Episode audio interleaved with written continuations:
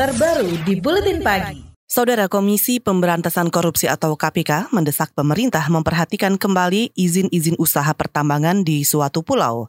Di Tenggarai banyak pemilik usaha banyak pemilik izin usaha pertambangan yang tidak punya nomor pokok wajib pajak atau NPWP.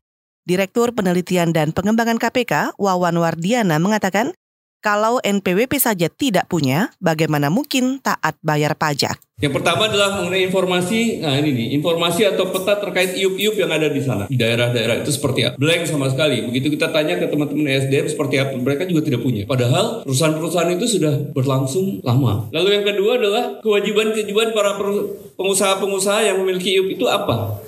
Apakah ada PNBP-nya dia apakah bayar, pajak apakah dia bayar. Bahkan waktu itu kita kita kumpulkan dari 10 ribu itu ada kurang lebih 3 ribuan itu tidak punya NPWP ternyata. Direktur Litbang KPK Wawan Wardiana juga menuturkan saat ini sulit menemukan peta atau informasi terkait izin usaha pertambangan. Dampaknya, KPK kesulitan mengendus praktik suap dan gratifikasi di lingkungan pertambangan. Selain itu, karena tidak adanya koordinasi antara pusat dan daerah, makin memperparah kerusakan sosial ekologis di pulau-pulau kecil.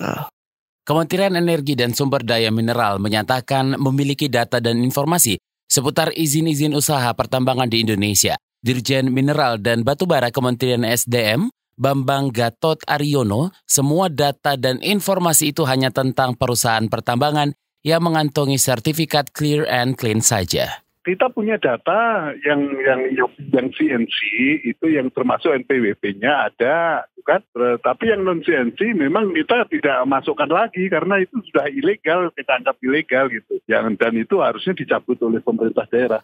Dirjen Mineral dan Batubara Kementerian SDM Bambang Gatot Aryono menambahkan sudah beberapa kali meminta kepada ke para kepala daerah supaya perusahaan pertambangan yang tidak punya sertifikat clear and clean dicabut saja izin usaha pertambangannya. Menurut jaringan advokasi tambang atau JATAM, ada 55 pulau kecil yang terancam rusak karena proyek tambang. Dua pulau di antaranya bahkan sudah menjadi monumen penghancuran tambang, yaitu Pulau Gi dan Pakal di Maluku Utara. Selain itu, menurut aktivis Jatam Alwia Sahbanu, ada tiga pulau kecil yang terdampak aktivitas tambang nan masif, yaitu Pulau Bunyu di Kalimantan Utara, Pulau GB di Maluku Utara, dan Pulau Bangka di Bangka Belitung mengenai Pulau Bunyu. Jadi kan laporan ini tuh fokusnya di tiga pulau. Pertama Pulau Bunyu yang berada di Kalimantan Utara, kedua Pulau GB yang berada di Maluku Utara, tiga ada Pulau Bangka. Beberapa hal yang hilang di Pulau Bunyu. Kami melihat ada pertama itu sumber-sumber air warga. Pertamanya ada tiga sumber air utama di Pulau Bunyu. Tapi sekarang mereka udah sangat kesulitan untuk mengonsumsi ketiga sungai-sungai itu karena memang sudah kering atau tercemar. Kedua yang hilang itu juga pangan di sana. Dan juga kami mengakses BPS juga menunjukkan kalau padi itu hilang di tahun 2014.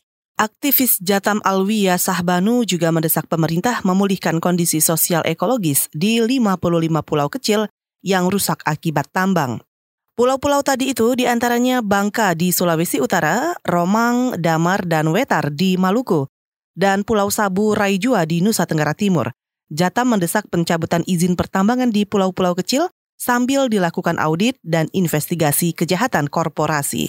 Sementara itu, Saudara Kementerian Kelautan dan Perikanan akan berkoordinasi dengan sejumlah kementerian terkait, termasuk Komisi Pemberantasan Korupsi untuk membahas revisi peraturan daerah tentang rencana tata ruang di Pulau Kecil. Direktur Direktorat Perencanaan Laut KKP Suhar Yanto menegaskan perda-perda yang tidak selaras dengan Undang-Undang Pertambangan di Pulau Kecil pasti akan direvisi peraturan daerah mengenai rencana tata ruang di daratan pulau-pulau kecil itu yang tidak sesuai dengan ketentuan Undang-Undang Nomor 1 2014 tentang pertambangan di pulau kecil itu harus ditinjau kembali. Kita berkoordinasi teman-teman Kementerian ATR karena dia yang mengawal tata ruang daerah itu kan dengan teman-teman Kementerian Dalam Negeri karena dia itu yang menjadi pembinanya pemerintahan di dalam negeri kan. Kemudian dengan Kementerian KLHK dan juga dengan KPK menindaklanjuti kasus-kasus yang terjadi dampak akibat kegiatan pertambangan di pulau-pulau kecil.